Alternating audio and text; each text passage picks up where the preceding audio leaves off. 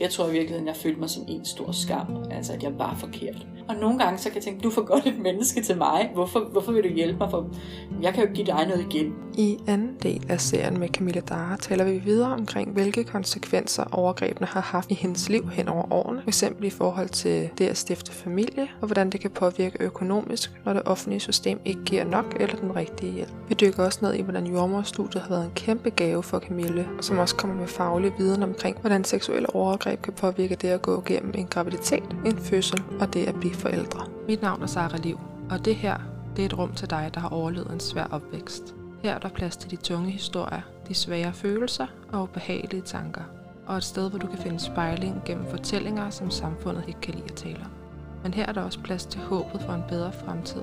Og et liv, hvor du lever og ikke bare overlever efter en forbandet barndom. Velkommen til.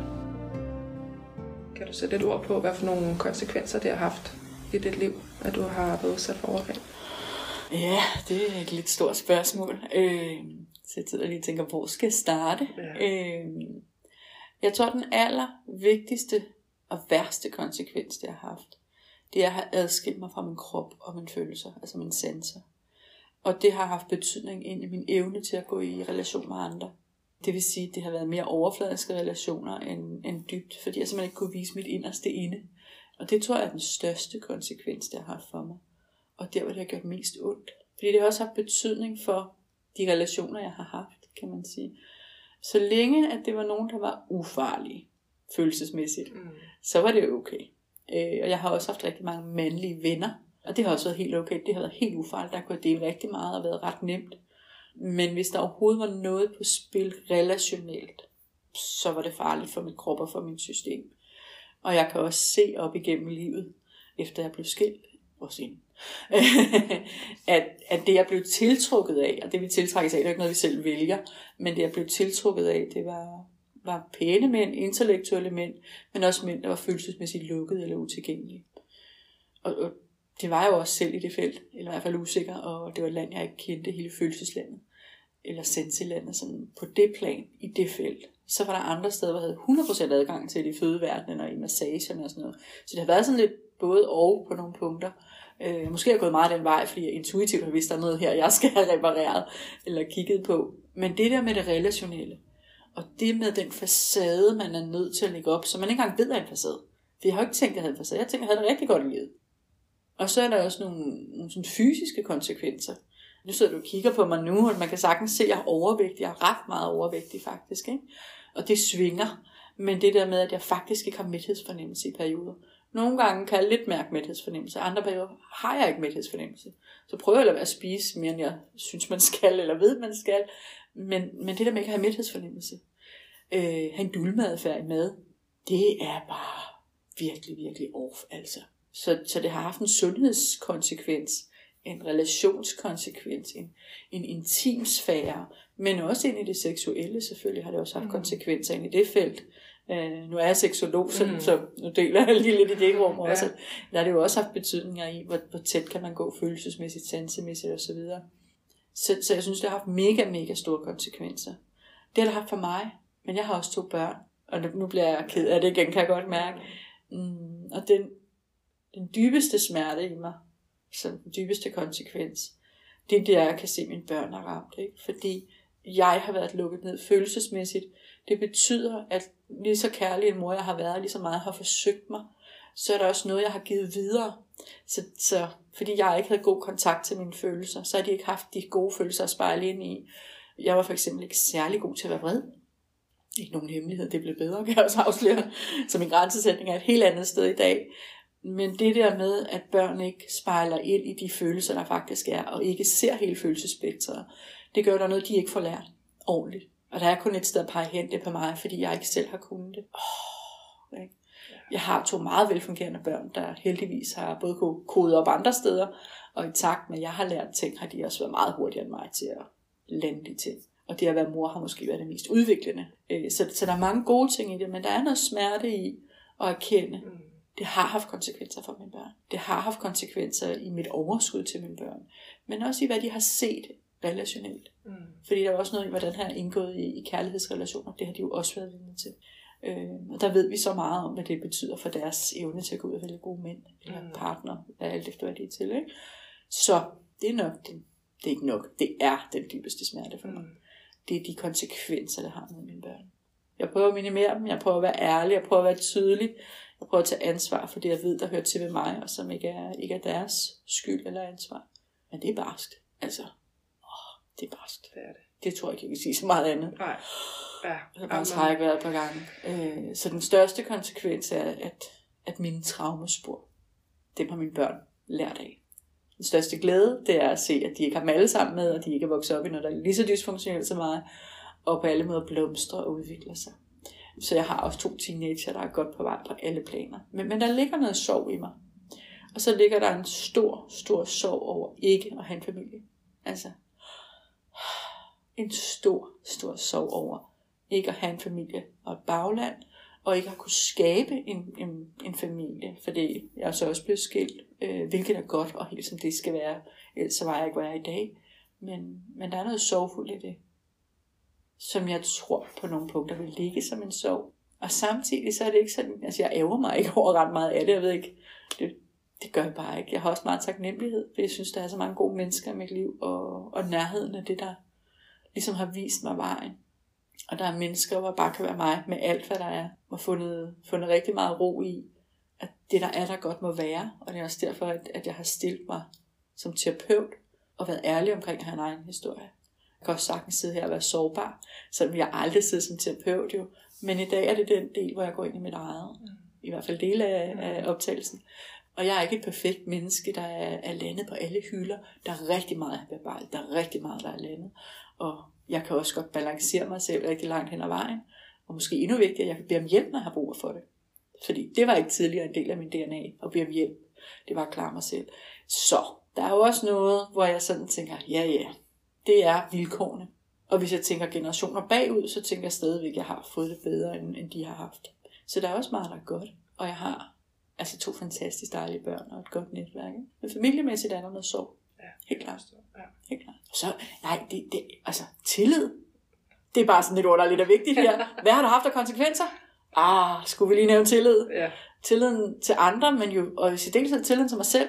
Mm. Tilliden til, at mine sanser er rigtige. Det har godt nok taget lige lidt, lidt tid at lære lige lidt til. Så den må jeg heller lige få med. Ja.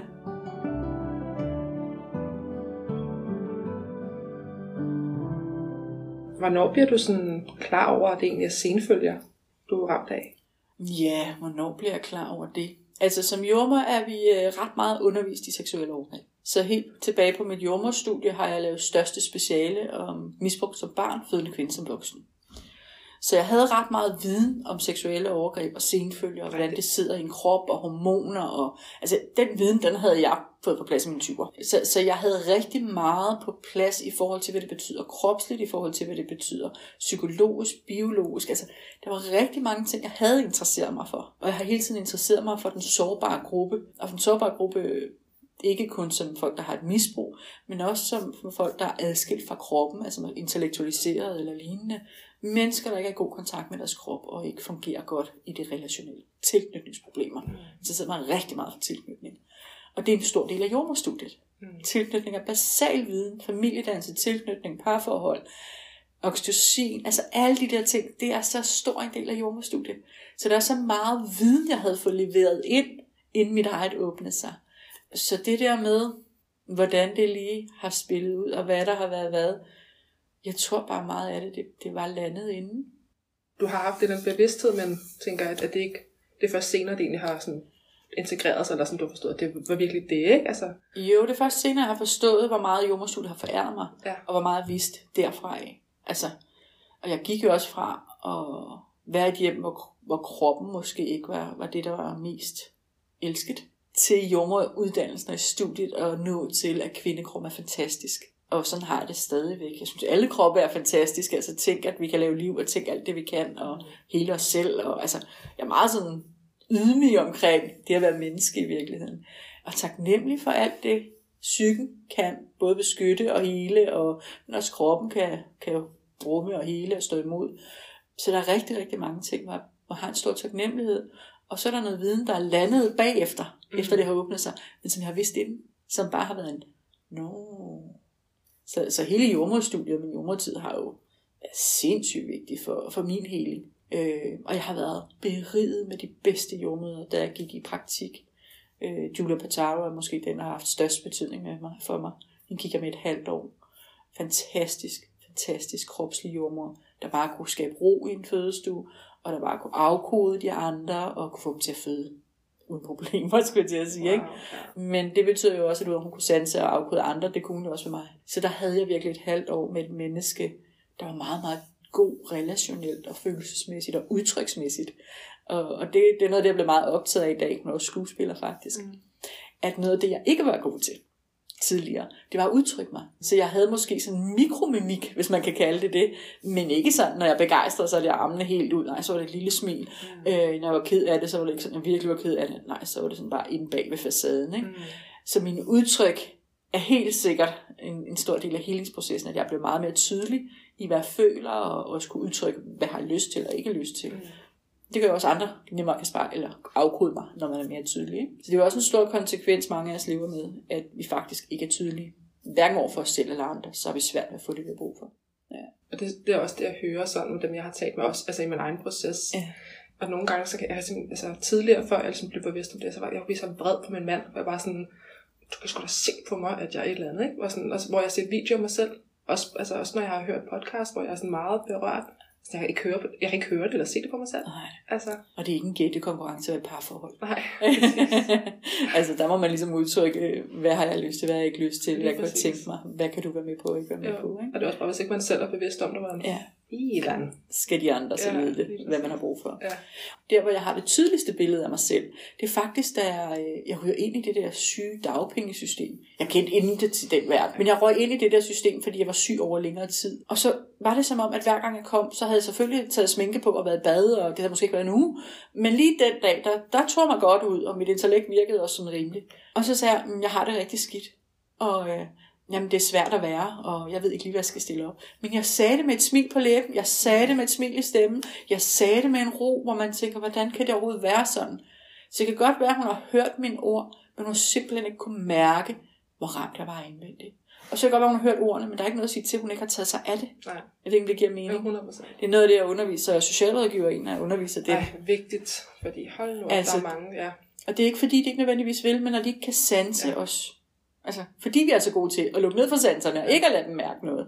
Det var jo en overlevelse engang, nu er det så bare en hemsko. Så det skal de sparke med videre, det skal de ekstremt opmærksom på. Men der kan jeg se mig selv simpelthen have facaden kørende for fuld smæk, selvom der er totalt kaos indvendigt. Ikke? Ja og ingen andre kunne mærke det. Og det samme med en partner, hvordan skulle jeg kunne forvente, at min partner ved, at jeg er ked af det, hvis jeg kan give udtryk for det, eller vred, hvis jeg kan give udtryk for mm. det, eller hvad pokker der nu kan være. Og det er ikke fordi, jeg siger, at man skal eksplodere, men man kan godt sige, det der, det er træt af, mm. eller det der, det er whatever, ikke? Ja. Det var ikke sådan, jeg lige var i verden måske. Og det er jo en del af helingsarbejdet nu har du selv lige åbnet lidt op for det, og du er jo uddannet seksolog mm. også, og du er mm. meget optaget af intimitet og seksualitet generelt, yeah. som jo også er mega vigtigt, og som desværre er underkendt. Kan du sætte lidt ord på, hvordan du var ramt for din uh, intimitet og seksualitet? Ja, det kan jeg godt. Altså, øh, allerførst så vil jeg sige, at jeg troede ikke, jeg var ramt. Mm. Uh, jeg synes faktisk altid, at jeg havde haft et berigende seksualliv. Så min eneste grund til sådan ligesom at gå ind i det felt, det var fordi, jeg vidste, at der lå noget og at øh, min erfaring sagde mig, fagpersons erfaring måske mere end menneskeerfaring, sagde mig, at det er der, jeg er ramt. Jeg er ramt på min seksualitet, på min intimitet, altså det følelsesmæssige nære, og jeg er ramt i mit sanseapparat med flashbacks, altså trigger og så videre. Og fra at have været lukket ned til det hele det system, og kunne have en seksualitet, så jo mere jeg bearbejdede mine traumer, så kom der jo alt muligt op, som ikke havde været der tidligere. Så fra at have haft et fint seksualliv, på et eller andet plan, så, så kom jeg nu til en fase, der var anderledes. Og hvis jeg skal tage sådan det inden, så kan man sige, at jeg har kun været sammen med partnere i mit liv, som har behandlet mig enormt respektfuldt. Så jeg har aldrig udsat mig selv for situationer, der var farefulde eller noget, inden min traumehistorie åbnede sig. Men jeg kan se på mig selv og kigge og tænke, at jeg måske var mere mekanisk, end jeg i virkeligheden var følelsesmæssigt øh, meget nær forbundet. Så, så det er sådan, jeg tænker om det fra, fra før i tiden. At der havde jeg en seksualitet, der var mere, mere fysisk, ikke mekanisk måske, men mere fysisk båret, end også i dyb følelsesmæssig connection. Øh, og der er stor forskel på, om det er noget, der er i dyb kontakt, menneske til menneske og energi og sårbarhed og med det, der er. Hvor det kan være forskellige artet seksualitet, men hvor forbindelsen altid er der, eller om forbindelsen faktisk ikke er der. Og det, det er sådan, jeg ser det, når jeg ser bagud. Så havde jeg et helt år, hvor jeg ikke, altså, hvor jeg ikke så nogen som helst, kan man sige. Min seksualitet lukkede nærmest ned. Det ser jeg også tit i dag med mange andre, men den lukkede nærmest ned. Men så har jeg også en periode, hvor jeg ved ikke, om jeg vil kalde det, eksperimentere, eller jeg var nysgerrig, eller jeg er i forskellige retninger og så videre, øh, hvor jeg faktisk ser ret mange mænd. Og det kan jeg undre mig at tænke, hvad havde jeg gang i? Mm. Altså, hvad var det, der skete for mig på det tidspunkt? Om det har bare været, altså jeg, jeg, kan, jeg kan kigge på det og tænke, jamen, jeg havde brug for kropskontakt. Øh, måske havde jeg også en overbevisning om, at sex måske kunne give kærlighed. Det er jo bestemt ikke rigtigt. Kærlighed giver kærlighed, og sex giver sexagtigt. Men måske var der noget der, jeg også havde fået forbyttet eller blandet sammen. Jeg tror i virkeligheden, jeg havde noget blandet sammen, som slet ikke var tydeligt for mig. Og gik ind i kortere eller længerevarende relationer. Men stort set aldrig nogen, jeg interesseret til mine børn. Fordi jeg godt kunne mærke, at det her var ikke ordentligt nok, eller solidt nok, eller, eller en partner, jeg synes havde de værdier, som var nødvendige for mine børn. Så jeg har egentlig haft relationer, eller seksuelle relationer i perioder, som var det, jeg kalder off-record. Ikke? Det var ikke nogen, jeg introducerede til mine venner eller til mine børn. Og det vil jo sige, at det var ikke et kærlighedsforhold øh, som sådan. Der er lige en enkelt, som jeg har introduceret for mine børn, som er virkelig, virkelig dejligt menneske. Som har været med til at hele en stor del af min lag. Og han har også oplevet, at jeg krampede undervejs i sex. Altså, og det var virkelig voldsomt. Jeg kan huske første gang. Forestil jer, at man er sammen seksuelt og også er forbundet fysisk, og så kramper kvinden, uden han ved hvorfor. Altså, han vidste simpelthen ikke, hvorfor jeg krampede. Det gjorde jeg heller ikke på det tidspunkt. Jeg skal spørge, om du også... Om det var lige inden det åbnede ja. sig. Det gjorde jeg heller ikke. Og han var bare det mest omsorgsfulde menneske, overhovedet kan forestille mig. Og det er også første gang, jeg sådan har tænkt, her er der berøring uden forventning. Altså han, han havde lyst til bare at røre mig, uden overhovedet at forbinde det med noget seksuelt. Så her fik jeg berøring for jeg tilbage som en omsorgsberøring og ikke en berøring, der gerne skal lede til noget. Det, det forærede han mig 100% i den tid, vi var sammen. Jeg tror godt, vi begge to vidste, at vi ikke skulle være kærester på den lange bane, men der var noget, vi kunne bidrage til hinandens verden med. Og det var nemt. Mine børn var bare glade for ham, og det var easy going. Det var simpelthen så nemt at introducere ham. Så det var sådan upåfaldende let. Og så har jeg haft mange år, hvor jeg måske har set en over tid, men jeg har ikke, enten har jeg ikke haft mod til at gå ind i det helt nære sårbare, eller også har det været, at jeg ikke har været tryg nok ved at introducere til mine børn, fordi kan jeg nu kende forskel på det sunde og det usunde? For så stille og roligt at finde ud af, ah, der er noget her i min mønster, som gør, at jeg tiltrukket til, trækker til de her mænd. Og i takt med, at jeg så har helet på min egen smerte og min egen traumer, så har det været mænd med dybere kontakt, hvor, hvor kontakten er, er det, der har været det bærende. Og så kan seksualiteten jo se foranderlig ud, om det lige er til, til noget, der bare er i flow, om det er noget, der bliver i kontakt, eller mere frægt, eller elementer fra noget dominans eller andet. Det, det har været forskelligt, vil jeg sige. Men jeg kan godt mærke i dag, hvad har jeg lyst til, og hvad har jeg ikke lyst til. Og en relation skal på alle måder i dag være en relation, hvor der er dyb kontakt, ellers er jeg ikke interesseret. Øh, og i dag har jeg ikke en kæreste. Bevidst valg, jeg har haft. Men der er, der er kommet sådan en helt fuldstændig ro i, at, at øh, jeg tror på, at han dukker op, og jeg tror på, at, at den kontakt er der, når den skal være der. Og så åbner det sig, som det skal. Fordi der er kommet så meget ro i mig. Så, så den der, noget af det kan have været bekræftelse, noget af det kan have været en bilsk, og, og noget af det bare gamle mønstre, der har kørt for fuld blæs derude af, kan man sige. Ja.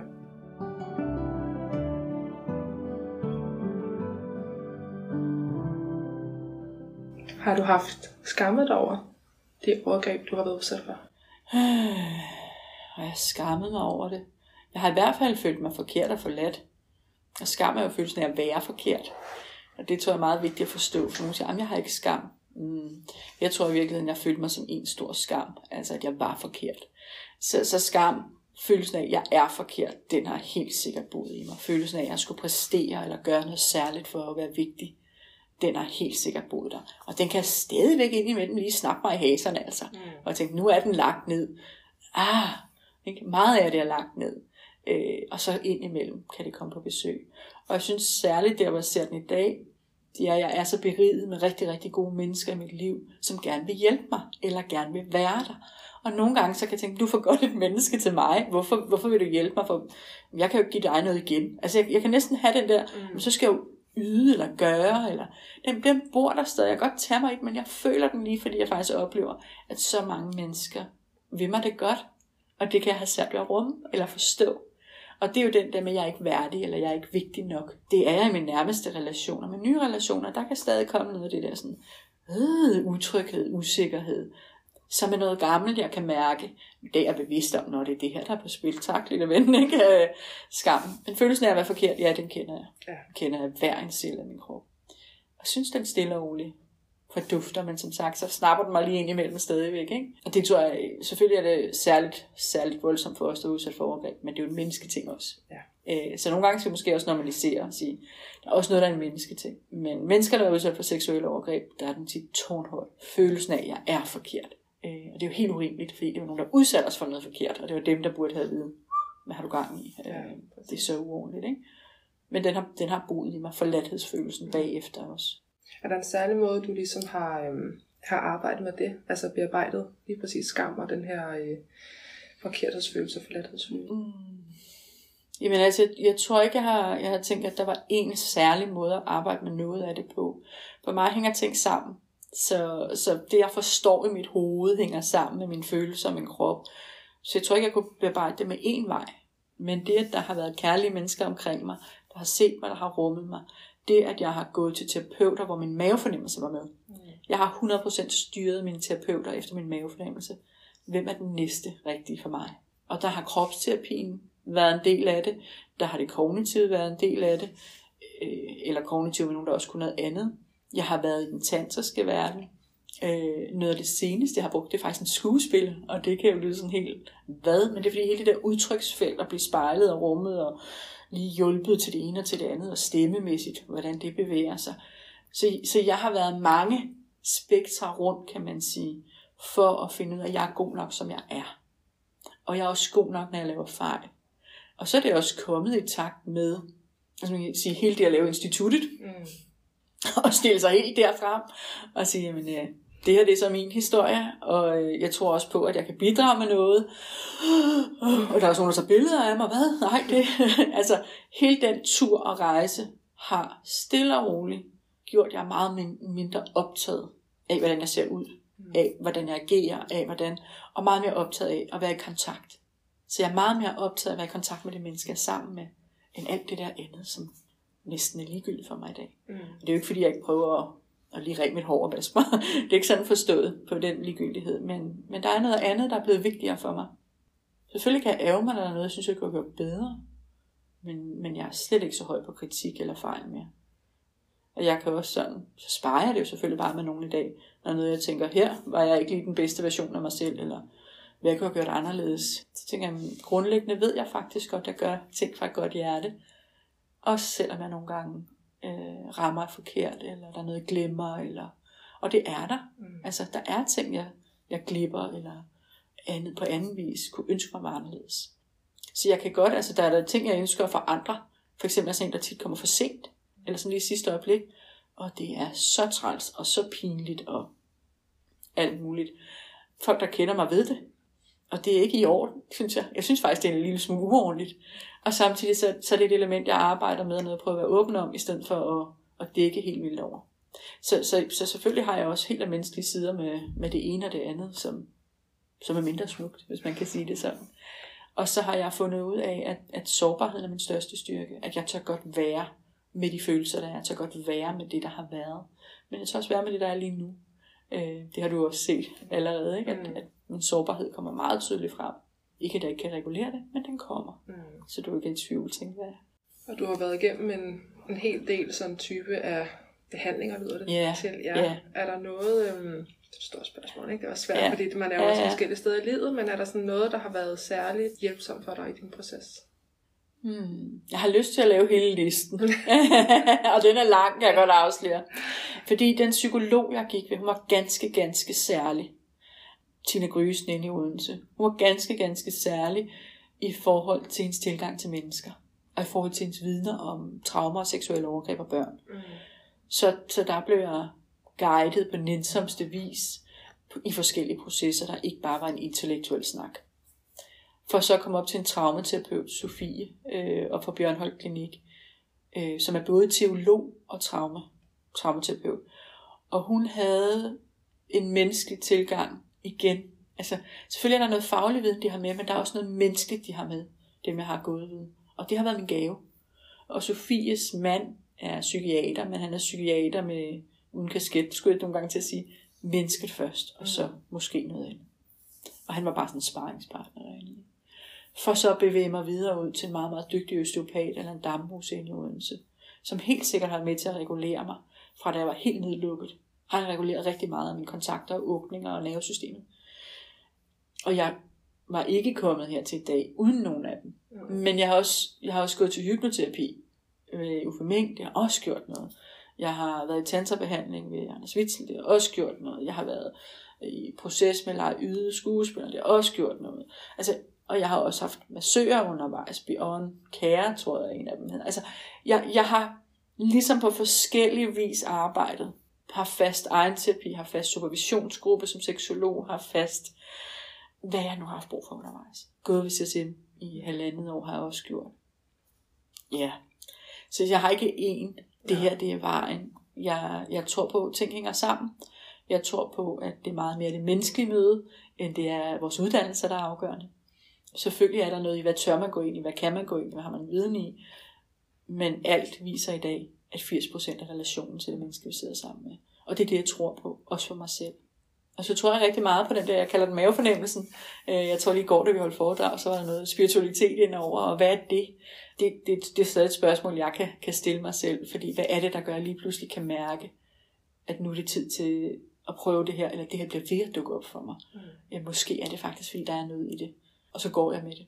Og det har hver gang vist sig at være rigtigt jeg kan ikke sige, hvad der er det ene og hvad der er det andet. Jeg kan bare sige, at en god intuition er, er meget godt at have med sig. Altså, intuitionen har været min vejviser i min heling. Ikke nogen fast plan, men, men hvad føles rigtigt for mig på nuværende tidspunkt. Og så lytte, lytte, lytte. Og hvis jeg blev ved at opdage en og tænke, hvorfor er det? Og så begyndte at læse, og så kunne mærke mere og mere, så er jeg gået den vej. Øh. Så, så jeg synes, at der er ikke én vej, og der er ikke én ting, og, og jeg tror heller ikke på quick fix i den her verden med dybe traumer. Nope. Øh, det er nogle gange det der med tre, øh, tre måneder, så er du der, eller otte gange, eller et eller andet, så bare tænker... Ja, 10 gange hos øh, lægen, ikke? så er du fikset. Øh, så er det måske ikke lige den her slags traumer, vi snakker. Øh, når det er relationelle tidlige traumer, så er det noget helt andet, der skal i spil. Ja. Men det er muligt, og øh, for mig har, har PTSD jo været den største gave, og det kan være provokerende at sige, fordi jeg ved også, hvor barst det har været. Men det var der, jeg blev tvunget, jeg vil ikke sige, at jeg fik foræret, men jeg blev tvunget til at begynde at lytte til min krop og min sanser. Og ellers havde jeg stadig levet lukket ned følelsesmæssigt og fysisk. I går der sagde du også, jeg kan ikke præcis, hvordan du formulerede det, men du vil ikke gå tilbage. Nej. Trods af, altså, Nej. Ja. Altså jeg ønsker mig ikke til før min PTSD. Selvom det så pænt ud, og både med hus med vandudkig og whatever der nu var, så ønsker jeg mig ikke tilbage. Og, og det er ikke nogen hemmelighed. Jeg har også været økonomisk ramt, fordi når man ryger ned med nakken, så, øh, så har jeg været der med at sælge lamper for at kunne få terapi. Altså. Øhm. Ja, for du har, også, du har været igennem rigtig mange ting. Ikke? Hvad var du sagde? 7.000 forskellige øh, behandlingsformer, du sagde den tidligere. Nå, nej, sagde jeg, da vi øh, talte sammen, så havde jeg haft 700 terapitimer. Yes. Ikke? Øh, det var også op i. Det er alligevel, alligevel noget. Jeg har investeret rigtig mange penge i det. Mm. Men det har været den der indre drivkraft til, at jeg er nødt til at rydde det op, for det er gået op, det giver videre. Og så har jeg også kunne mærke, at det var hjælpsomt. Altså det der med at få det bedre, det er bare fedt. Mm. så kan det godt være, at jeg ikke har en stor lækker bil, men det er virkelig fedt. Og i dag kan jeg jo også se, at, at alle de trin, jeg selv har gået, der er noget, det jeg kan give videre. Og det er også berigende. Det er berigende at se andre mennesker vækste. Det var det som jordmor, når jeg kunne se ressourcerne for en kvinde til at føde, og synes hun var sej. Når hun synes hun var sej, det var det, jeg synes var vigtigt. Ikke? Og det er jo det samme, jeg synes er interessant i dag. Kan jeg få nogen til at lytte til deres indre stemme? Kan jeg få nogen til at gøre det, der er godt for sig selv? Ikke det, der var godt for mig dengang, men kan jeg få dem til at mærke, hvad er godt for dig? Hvad har du brug for? Hvordan kan du få mere og mere af det i dit liv? Kan du få bedre og bedre relationer, fordi du kan mærke dig? Indgå i bedre relationer. Kende dig selv bedre. Den vækst, der ligger der, og den gnist, der kommer i det menneskes øjne. Amen. det gav gaven i sig selv. Ikke? Så, så, så der, jeg ønsker mig ikke tilbage jeg ønsker mig på ingen måde til, til der, hvor det var før. Og det synes jeg også siger noget, ikke? I forhold til, hvad du har været igennem. Altså, at det har været nødvendigt for, at du kan være her, hvor Ja. du er i dag, ikke? Ja.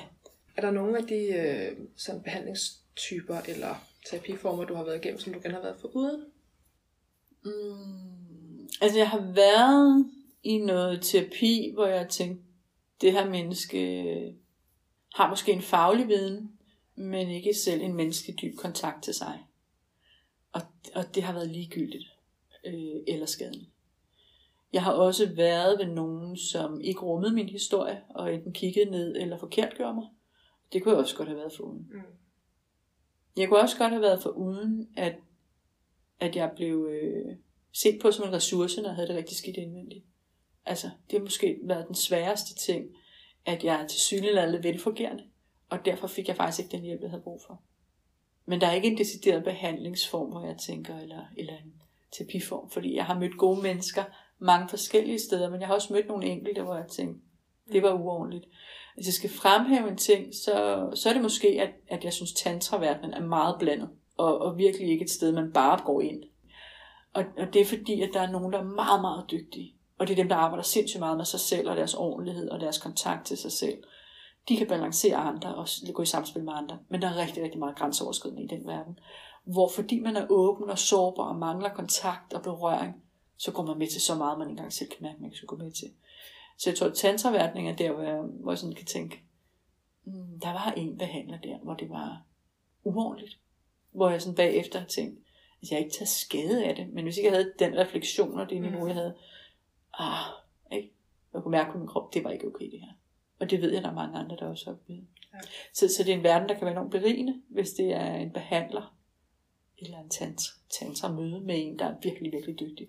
Og særligt også, der er udsat for overgreb, der er det altså væsentligt, at det er et menneske, der er meget i kontakt, og, og ikke bare tænker, fedt, her kan jeg åbne, fordi du kan åbne alt på mig, du kan gøre alt på mig, jeg går med, Mm. men det er ikke det samme, som det har været sundt for mig, og jeg har fået lært mine grænser igen. Så det er måske der, jeg har tænkt mest, mm, der er noget her, der, der ikke er, som det skal være. Og så, øhm, så ved jeg ikke, hvordan jeg skal sige det her pænt, og måske skal jeg ikke sige det pænt. Så har jeg oplevet et øh, terapeutisk længerevarende forløb, hvor hver gang jeg reagerede fysisk, så skulle jeg gå ind for mig selv i gruppeterapiforløb. Og det, det, øh, det var i virkeligheden en retraumatisering af, at vi rummer ikke dine reaktioner, og du, du skal bare lige komme der for dig selv. Det er sådan lidt som en barndomshjem i virkeligheden. Ja, det lyder helt sindssygt. Ja, det var i det offentlige, der var et gruppeproces med det. Og, og det er noget af det, jeg sådan virkelig kan undre mig over i dag. Mm. Virkelig kan undre mig over. At man kan finde på at lade nogen være alene. Uanset det, jeg har sagt eller ikke sagt, eller gjort eller ikke gjort. Så var der noget der, der var virkelig, virkelig øh, mindre sundt for mig. Sådan tror jeg, jeg vil sige det. Ja. Så der er nogle, helt klart nogle forløb, hvor jeg kan se, at jeg har fået noget, men der er også noget, der har været for mig virkelig uordentligt. I forhold til at blive set og mødt og passet på. Ikke? Og det er det, jeg, jeg har haft brug for. Jeg har brug for nogen, der var der, nogen, der rummede mig, nogen, der balancerede mig, nogen, der var med de reaktioner, der nogle gange var. Det lyder jo, når du sådan fortæller om alle de, øhm, al den hjælp, du har fået, at, Mm. at det er meget dig selv, der har betalt Ja. for det. Føler du, nu har du været hos CSM, Center for Mm. Seksuel Misbrug, det som jo er et offentligt tilbud, Mm. som er gratis, Mm. men, og det er måske et led- ledende spørgsmål, men øh, føler du, du har fået nok hjælp? Nej, nej, iskoldt, ja. langt fra. Jeg har hverken fået nok hjælp eller den rette hjælp. Mm. Det er, det er den store udfordring. Jeg synes, det er svært at, gå længere ind i sådan helt. Men meget enkelt, når man har så dybe traumer i bagagen, så har vi brug for noget kropsligt. Vi har brug for noget sansemæssigt. Og så har vi selvfølgelig brug for vores intellekter med. Og så har vi brug for nogen, der forstår det i en dyb, dyb, dyb plan, og ikke kun intellektuelt. Øh, så du kan godt være sød, men du er nødt til også at begribe det langt, langt nede i, i lagene.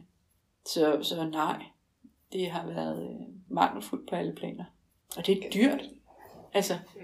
jeg, jeg tænker jo rigtig meget, det er dyrt. Tænk, hvis ikke jeg havde rejst mig selv. Tænk, hvis ikke jeg havde investeret de penge. Så havde jeg bare ligget der klasket sammen.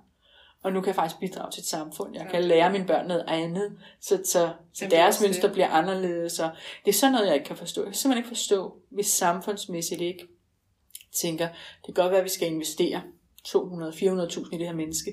Til gengæld kommer det her menneske til at fungere så meget bedre, enten have mindre brug for hjælp, eller kunne bidrage til, til egen indtægt, kunne man sige, men også bliver en bedre forælder, og dermed lave færre skader fremadrettet. Mm. Øh, eller få dem til at vækste endnu bedre. Ikke? Mm. Det er jo som man ser verden. Det, det, det begriber jeg ikke. Jeg kommer aldrig til at begribe.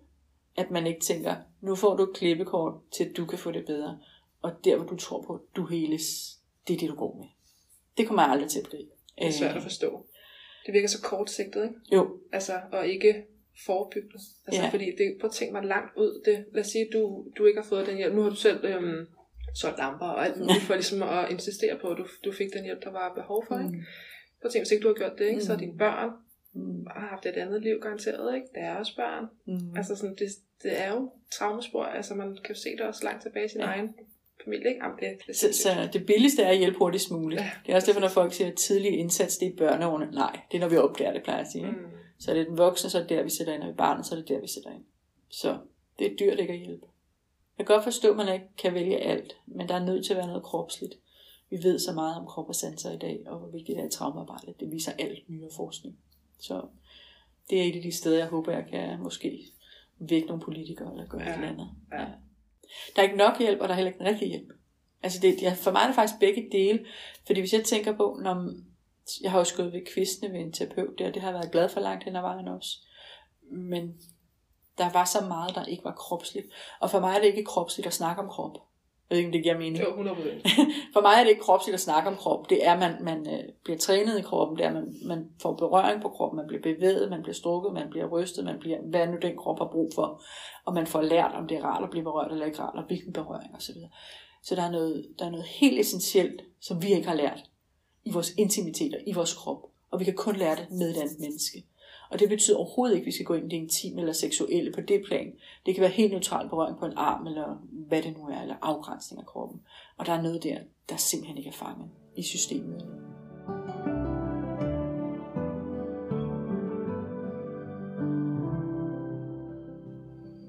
Vi har været lidt inde på det, men du er også uddannet jordmor og har arbejdet der i en del år. Ja, Ja. Hvad har din, øh, din faglighed på det område gjort i forhold til bearbejdning af din egen, øh, din egen, egen historie? Jamen, jeg tror, den har været helt afgørende for at bearbejde min historie. Og i dag tænker jeg, hvor er jeg taknemmelig for, at det var jordmorvejen, jeg gik. Fordi det at, at læse til jordmor er ligesom en form for studie, men det er meget et menneskestudie. Og det er meget et studie i, hvordan mennesker reagerer på kanten, når de er presset. Den proces, man er vidne til som jordmor, og studerende selvfølgelig, det er, at, at to mennesker finder sammen, og så bliver de forældre. Og den proces fra at være kærester til at blive forældre, det er en transformation. Og den proces skulle vi gerne understøtte bedst muligt, men også opdage, hvis der er noget her, der er svært. Øh, fordi man har noget med sig i sin historie, for det er ofte derfor noget er svært. Og så selve fødselsarbejdet. Det er det tidspunkt, hvor de fleste bliver presset til det yderste, både psykisk og fysisk. Og det at møde mennesker helt derude, og kan være med dem helt derude, og kan rumme de reaktioner, der er, men også kunne, kunne holde dem i nutiden, og kunne balancere dem, og kunne skelne imellem, hvad er normalt sunde reaktioner, når man er presset, og hvad er faktisk noget, der er patologisk, eller noget, der er sygdomsops. Den læring i at stå der og kunne mærke det, sanse det, se det og skælne, den tror jeg har været essentiel. Altså, der er sådan meget menneskelæring, kropslæring. Jeg ved ikke, jeg sidder med mine hænder sådan og, og, og, og viser sanse.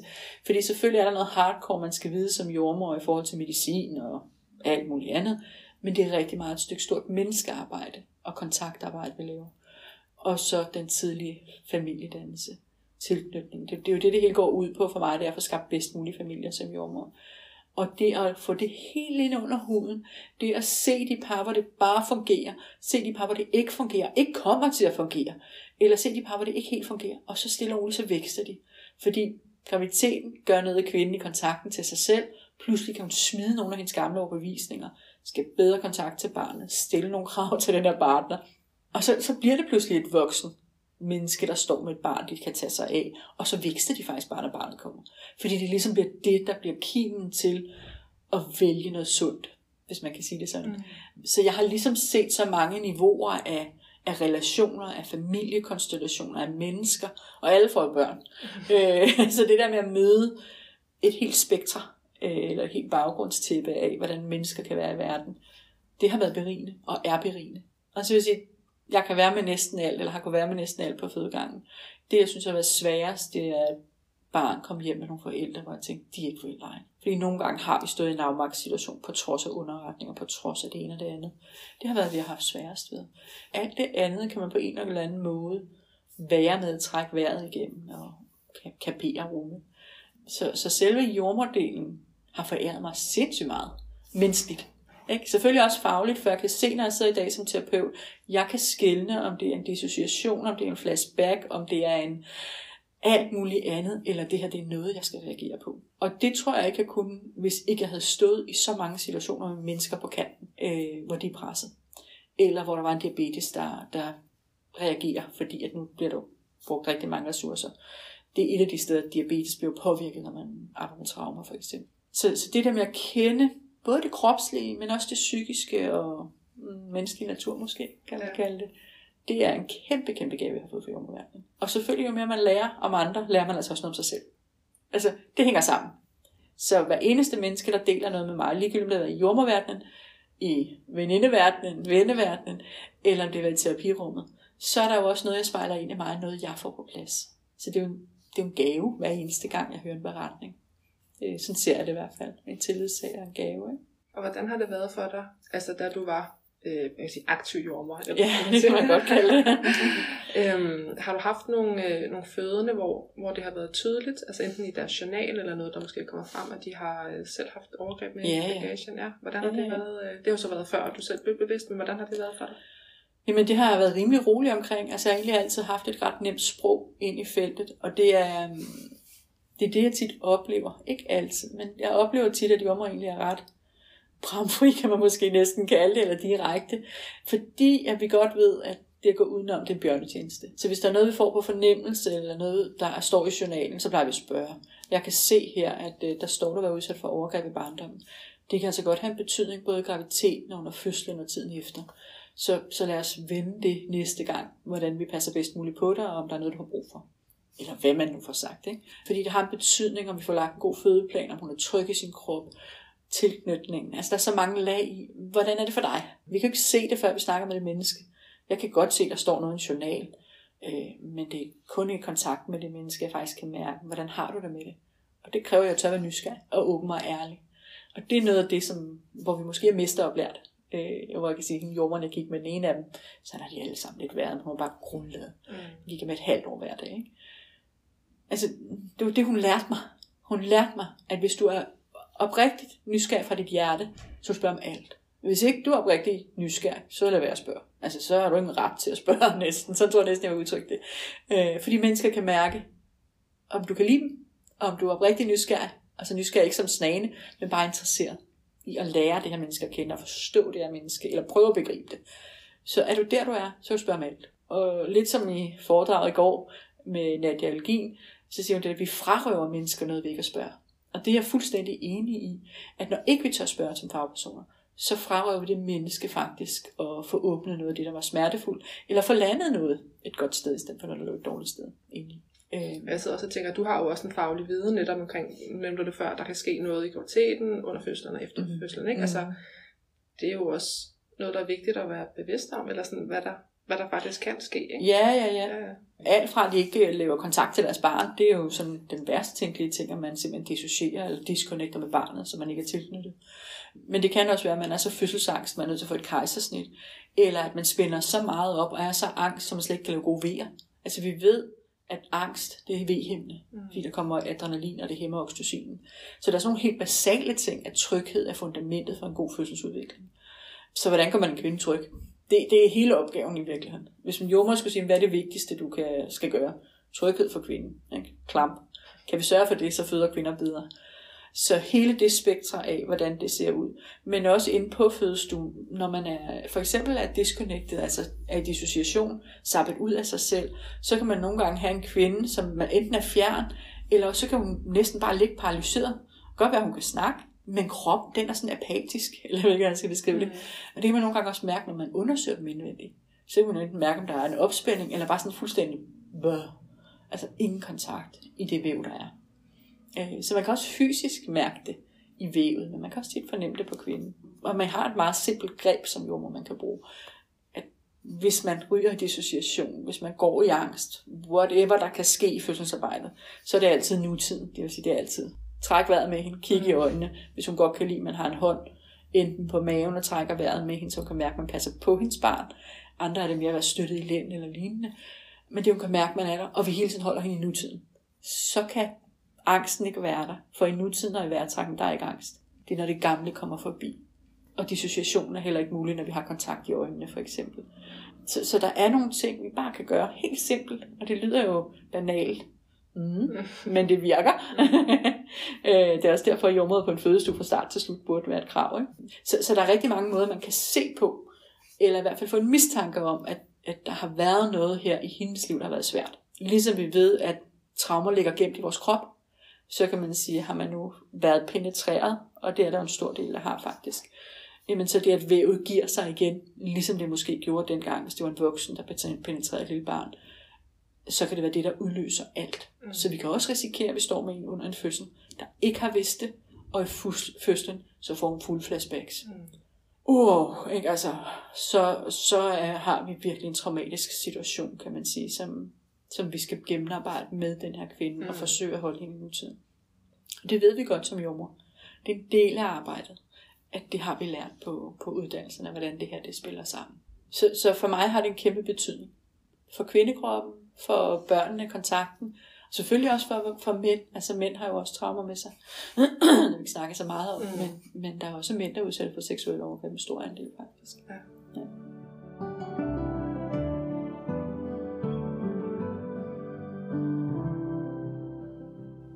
Så har jeg sådan lige sådan et, øh, sådan lidt nysgerrigt spørgsmål. Mm. Altså sådan, begge mine fødsler, øhm, de har været altså, vildt hurtige. Mm.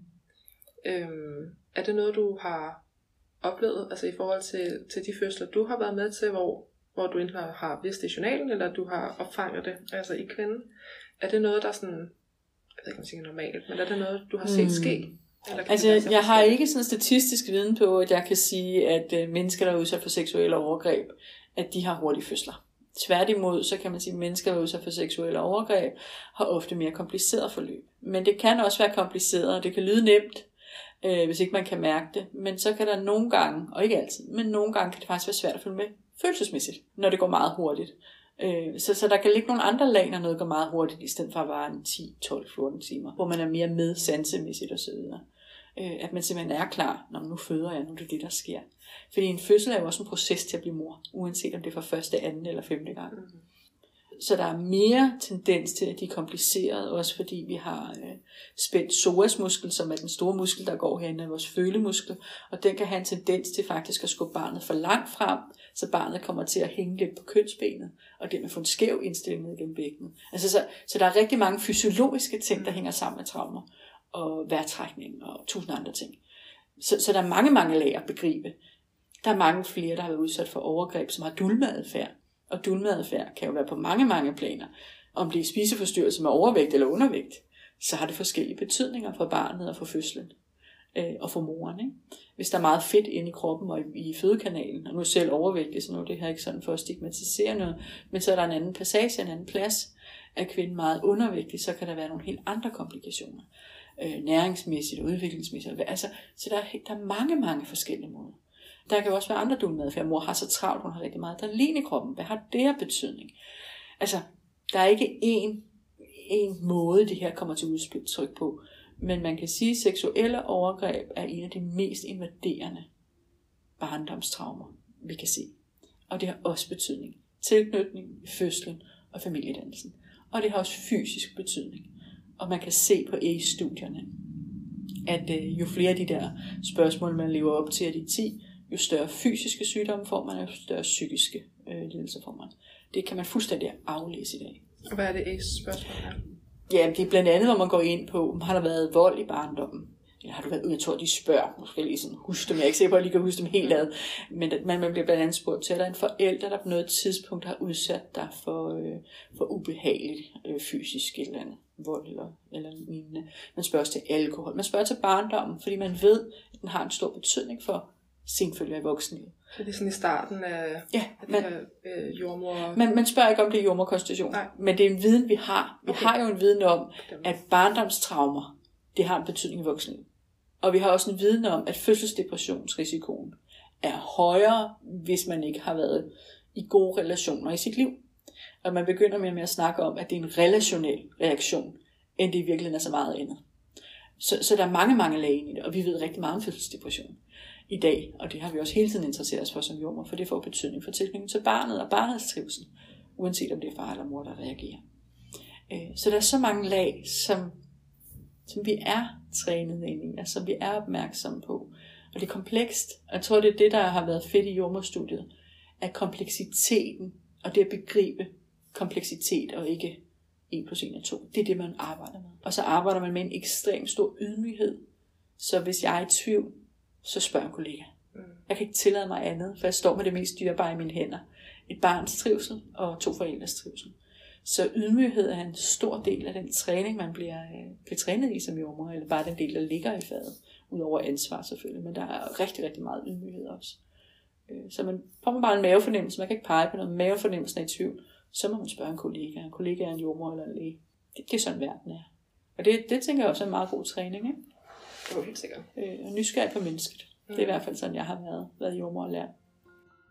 Igennem al den behandling Camille får, er der ingen, der vil gå ind i de senfølger, som overgreb kan give i forhold til det intime og i forhold til seksualiteten. Camille vælger derfor at uddanne sig til seksolog, både i forhold til hendes egen helingsproces, men også fordi hun så et kæmpe mangel på området. I næste episode kan du høre, hvordan seksualiteten og det intime område kan blive påvirket af, at vi har traumer med os, og vi kommer også ind på, hvorfor en fagfolk har så meget berøringsangst. Jeg håber, vi lyttes ved. Du har lyttet til Forbandet Barndom. Følg med på podcastens Facebook og Instagram side for at se mere om de kommende episoder. Du er også velkommen til at følge min profil på Instagram, hvor jeg deler mine og andres historier samt værktøjer til senfølger efter barndomstraumer. Du finder navnet på min Instagram-profil i beskrivelsen til episoden. Har du oplevet overgreb i barndommen eller ungdommen, kan du søge støtte og hjælp hos en række organisationer og private virksomheder, som du også kan finde en liste over i beskrivelsen. Har du spørgsmål til episoden her, eller vil du dele din oplevelse med mig efter at have lyttet, så er du velkommen til at kontakte mig på Instagram, på Facebook eller på mail forbandetbarndom Vi lyttes ved.